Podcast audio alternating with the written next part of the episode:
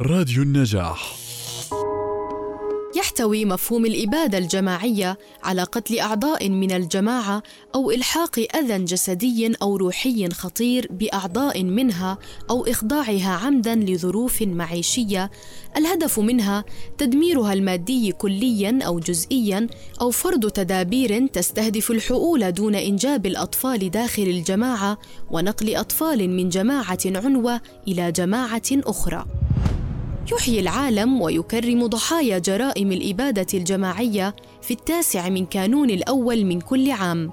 وهذا اليوم يتزامن مع الذكرى السنوية الثالثة والسبعين لاعتماد اتفاقية عام 1948 الموسومة باتفاقية منع جريمة الإبادة الجماعية والمعاقبة عليها والتي تعد أول معاهدة لحقوق الإنسان اعتمدتها الجمعية العامة. كما تشير الاتفاقية إلى التزام المجتمع الدولي بعدم تكرار الإبادة الجماعية ابدا. في هذا اليوم من هذا العام ستنظم فعالية احتفالية على الإنترنت ستدلي من خلالها الدول الأعضاء التي تمثل المجموعات الإقليمية بملاحظاتها. نتمنى السلام والأمان للإنسانية جمعاء.